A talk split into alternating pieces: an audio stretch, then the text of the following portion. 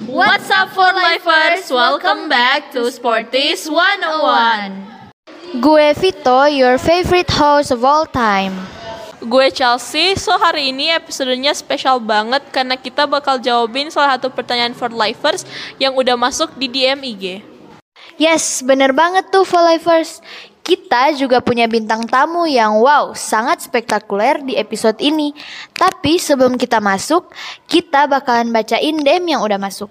So, kita pilih pertanyaan ini karena kelihatan banget nih salah satu kawan for lifers lagi pengen belajar basket banget sih Vito keinginannya buat belajar basket. Jadi DM-nya dari Ed Braxos. So, kayak gini isi DM-nya. Halo Mimin Sportif, perkenalkan nama gue Gideon. So, Min, gue lagi pengen banget belajar basket nih. Tapi nggak tahu mau mulai dari mana. Temen-temen gue juga udah mulai ajakin, tapi gue nggak mau aja. Mimin bisa nggak ngajarin gue? Emot nangis banyak banget. Sumpah Min, gue BM parah belajar basket. Saya kelihatan sehat sama keren gitu. Gue juga pengen buat ngedamain basket, mulai dari teknik sampai hal-hal hal yang sekiranya berhubungan nih sama basket. Min bantuin gue please. Gue sering dengerin episode Daily Week yang bicarain soal olahraga. Semoga DM ini bisa dipilih sebagai episode minggu depan. Amin. Makasih Mimin. Please ajaran gue. Ah, thank you so much Mimin. Bye. Waduh, kelihatannya Mas Braxus ini perlu banget bantuan ya.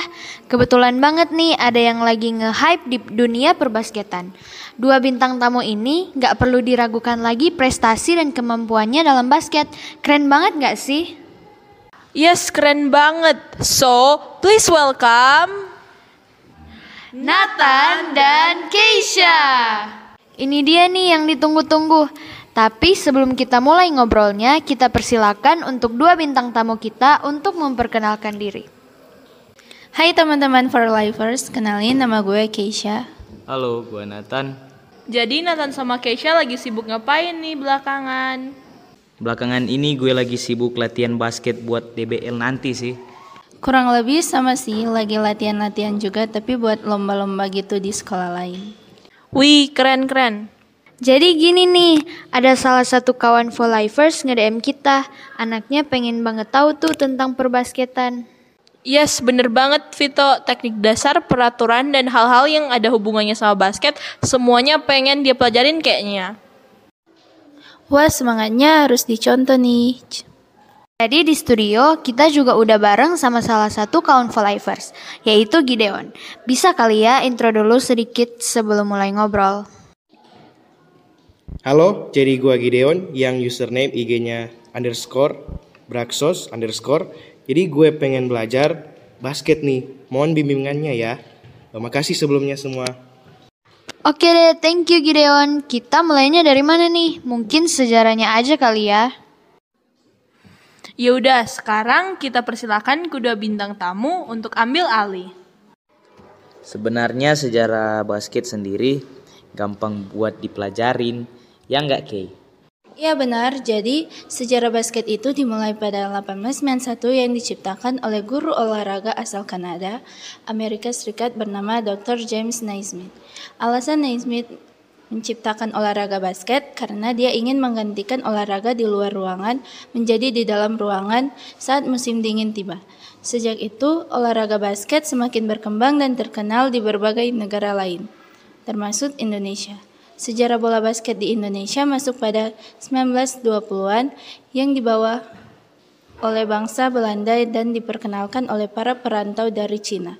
Memasuki era 1930-an, perkumpulan-perkumpulan basket mulai terbentuk di beberapa kota besar, seperti di Jakarta, Surabaya, Bandung, Semarang, dan Medan. Setelah Indonesia merdeka pada 17 Agustus 1945, olahraga basket semakin marak dikenal di berbagai kota lainnya, seperti di Yogyakarta dan Solo. Tiga tahun berselang, diadakan acara Pekan Olahraga Nasional pada 1948 di Solo. Ketika itu, bola basket untuk pertama kalinya dimainkan di level nasional. Aladi, salah satu tokoh olahraga nasional, meminta Tony Wen dan Wim Latumente untuk membentuk organisasi basket di Indonesia. Atas prakarsa kedua tokoh tersebut berdiri, berdirilah organisasi bernama Persatuan Basketball Seluruh Indonesia pada 23 Oktober 1951. Di bawah organisasi induk olahraga basket tersebut, Indonesia untuk pertama kalinya mengirim regu basket bertanding di Asian Games Manila pada 1953. Wah, jadi gitu sejarah basket. Keren banget ya teman-teman Falivers. Ternyata banyak perubahan dan perjuangan ya buat bikin permainan basket tetap bertahan sampai saat ini. Menurut Gideon sendiri gimana nih? Semakin tertarik belajar basket nggak dari sini? Tentu, gue semakin penasaran sama basket. Siapa tahu bisa bikin gue nggak sering main HP ya kan? Yes, tentu Gideon mau lanjut ke mana nih? Atau Gideon sama yang lain ada saran saran nggak mau bahas apaan? Itu sih soal teknik-teknik dasar gitu. Soalnya gue kan baru di dunia basket sama masih bingung. Mulai belajar dari mana aja. Bisa kali Bang Nathan jelasin. Bisa dong. Jadi sebagai seorang pemula itu, lu harus mulai belajar dari teknik-teknik dasarnya dulu. Yang pertama itu dribbling. Dribbling itu metode membawa bola dengan cara memantul-mantulkan bola ke lantai dengan satu tangan atau bisa juga bergantian sambil jalan ataupun lari. Yang kedua ada passing. Passing itu mengoper atau memberikan bola ke teman satu tim. Passing itu menggunakan dua atau satu tangan dan harus dilakukan dengan cepat, tepat dan keras tapi tidak tergesa-gesa agar teman satu tim tidak kesulitan menerima bola. Selanjutnya ada teknik shooting. Shooting adalah teknik yang menentukan kemenangan. Jadi butuh akurasi yang tepat agar bisa masuk dalam ring. Dan pemain perlu menjaga keseimbangan badan dan koordinasi yang baik. Shooting dilakukan dengan menempatkan bola di depan dahi dan kedua tangan memegang sisi kiri atau kanan dan bawah dari bola. Bola didorong dengan tangan yang paling kuat. Selanjutnya ada teknik pivot yang merupakan gerakan memutar badan dengan bertumpu pada satu kaki sebagai poros sambil memegang bola basket. Gerakan putaran pivot sebaiknya tidak sampai menggeser letak kaki yang dipakai berputar karena itu termasuk pelanggaran. Yang terakhir adalah teknik rebound, yaitu pemain mendapatkan bola pantul yang gagal masuk ke dalam ring. Ingat ya, selalu pemanasan di awal biar kaki dan badan gak sakit kayak hati tuh. Waduh, ngena juga yang di akhir. Tapi penguasaan teknik dasar itu perlu ya teman-teman Falivers. Apalagi buat kalian yang mau masuk lebih dalam ke dunia basket. Mungkin dari Keisha sendiri ada tambahan soal teknik-teknik dasar ini. Gimana tuh? Penjelasan Nathan bagus sih sama itu penguasaan teknik seperti yang Vito bilang itu perlu banget ya bestie for lifers. Jangan nanti pas main cuma bengong kayak yang banyak utang aja. Aduh gimana ya Kay, tapi nggak apa-apa statement dari kedua bintang tamu sebelum-sebelumnya keren-keren banget kan teman-teman for lifers. Tapi baru dua poin yang bah yang dibahas kurang nggak sih? Gimana Vito sama Deon setuju? Yes, masih mau nambah negerin sih. Apalagi Gideon tuh masih banyak yang dia penasaran. Ya kan Gideon? Gak usah malu-malu deh, santai aja. Ada lagi nggak sih yang mau ditanyain? Ada sih. Nah, jadi gue mau menekuni dengan baik soal basket. Siapa tahu gue bisa main sama teman-teman yang lain atau ikut kompetisi kecil gitu. Ada nggak aturan-aturan yang perlu diketahui gitu? Mungkin Keisha bisa bantu jelasin.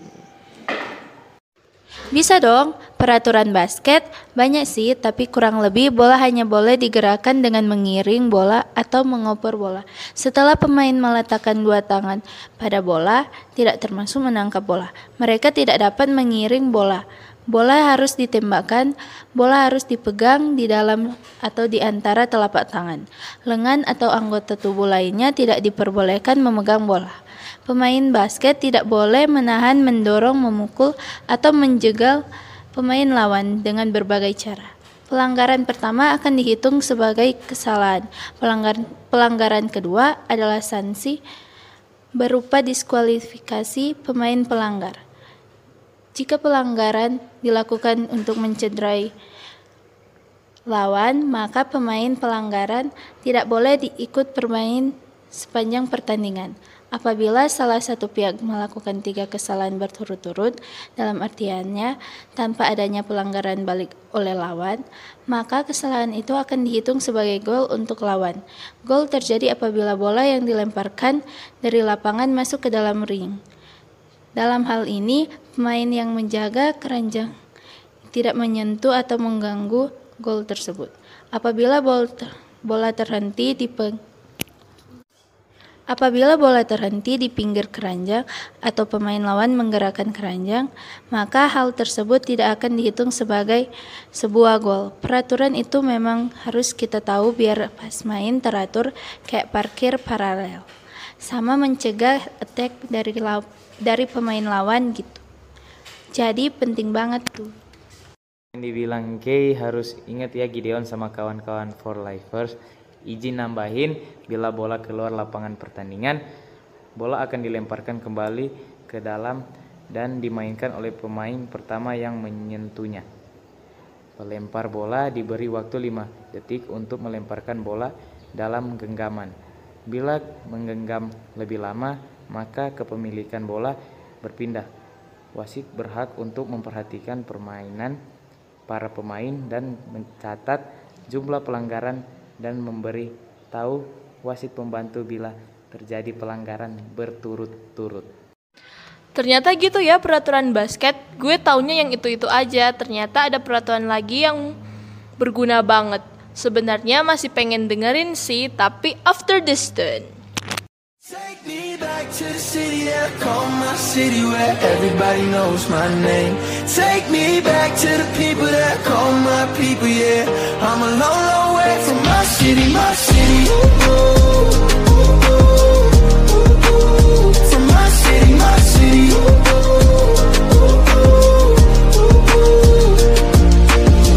goes out to the ones that feel like an underdog. Used to write me off, now they're changing up the dialogue. Raise a glass to the past and all them that were proven wrong. You could take me out the city, but I brought my family along, yeah. And the memories that play in my head, but I won't let them burn me again. I came too far just to let go. Baby, I'm coming back home, coming back home. Take me back to the city I call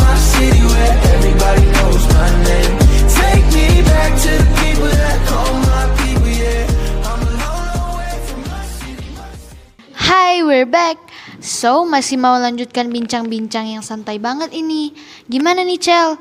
Gas atau kita tutup aja? Jangan dong, masih banyak interesting part yang harus kita bahas nggak sih, Vito? Apalagi Gideon masih banyak pertanyaan. Iya nggak sih? What do you think, Gideon? Jujur masih ada beberapa sih yang gue pengen tanya. Semoga Kay sama Nathan masih mau memberikan jawaban ya. Waduh, pasti dong bakal dijawab. Iya, pasti kita jawab kok. Aman aja. Ada lagi nggak Gideon? Dari tadi udah jelas beberapa teori tentang basket kan. Sekarang mungkin bisa mengenai manfaat dari basket sih bagi kesehatan sama mental. Ada beberapa yang gue tahu, tapi kebanyakan yang blur gitu. Tentu banyak ya, apalagi bagi kesehatan kita sama ketahanan tubuh. Jadi manfaatnya ada dapat meningkatkan koordinasi dan kestabilan tubuh, menambah tinggi badan, memperkuat ketahanan otot, menurunkan berat badan, menjaga kesehatan kardiovaskular, dan meningkat, meningkatkan kesehatan tulang. Nah, gitu gitu sih yang gue jelasin lebih ke arah ketahanan dan kesehatan tubuh. Mungkin Nathan ada tambahan buat manfaat bagi kesehatan mental? Dari gue ada sih apalagi kesehatan mental perlu banget buat kehidupan sehari-hari dan saat kita main atau berkompetisi basket ya kan. So, kurang lebih manfaat basket bagi kesehatan mental health adalah meningkatkan rasa percaya diri, menurunkan stres, serta mengembangkan komunikasi satu sama lain. Wow, ternyata basket memiliki banyak manfaat ya. Gue jadi pengen belajar deh. Seru-seru. Sama gue juga jadi pengen belajar deh. Ada lagi nggak sih yang seru-seru yang perlu kita bahas? Atau fun fact aja nggak sih? Gimana? Boleh banget, Keisha sama Nathan ada nggak yang mau jelasin? Atau kita tutup aja? Jangan dong, gue masih mau jelasin. Jadi ada beberapa fakta-fakta unik yang keren seperti basket yang pertama bas yang ditemukan karena musim dingin. Seperti yang sudah dijelaskan di sejarah tadi, guru olahraga bernama James Naismith menemukan basket untuk menggantikan olahraga di luar ruangan menjadi di dalam ruangan saat musim dingin tiba. Naismith mencari olahraga apa yang bisa dilakukan agar kelas olahraganya tetap ramai ketika hujan. Lalu ia berinisiatif memainkan bola yang kemudian dikenal sebagai basket. Fakta yang kedua, keranjang bola basket dulu awalnya tidak berlubang. Awalnya keranjang untuk memasukkan bola berupa ember untuk mengambil buah persik. Karena itu, setiap kali bola masuk ke dalam keranjang, seorang harus mengambil bolanya lagi untuk kembali dimainkan. Baru pada awal tahun 1900-an, keranjang basket dibuat dengan jaring yang dibawa dibawanya berlubang. Gitu sih yang gue tahu. Siapa, ta siapa tahu Nathan kali mau nambahin. Gue nggak terlalu tahu sih, tapi ada satu sih yang sekiranya keren.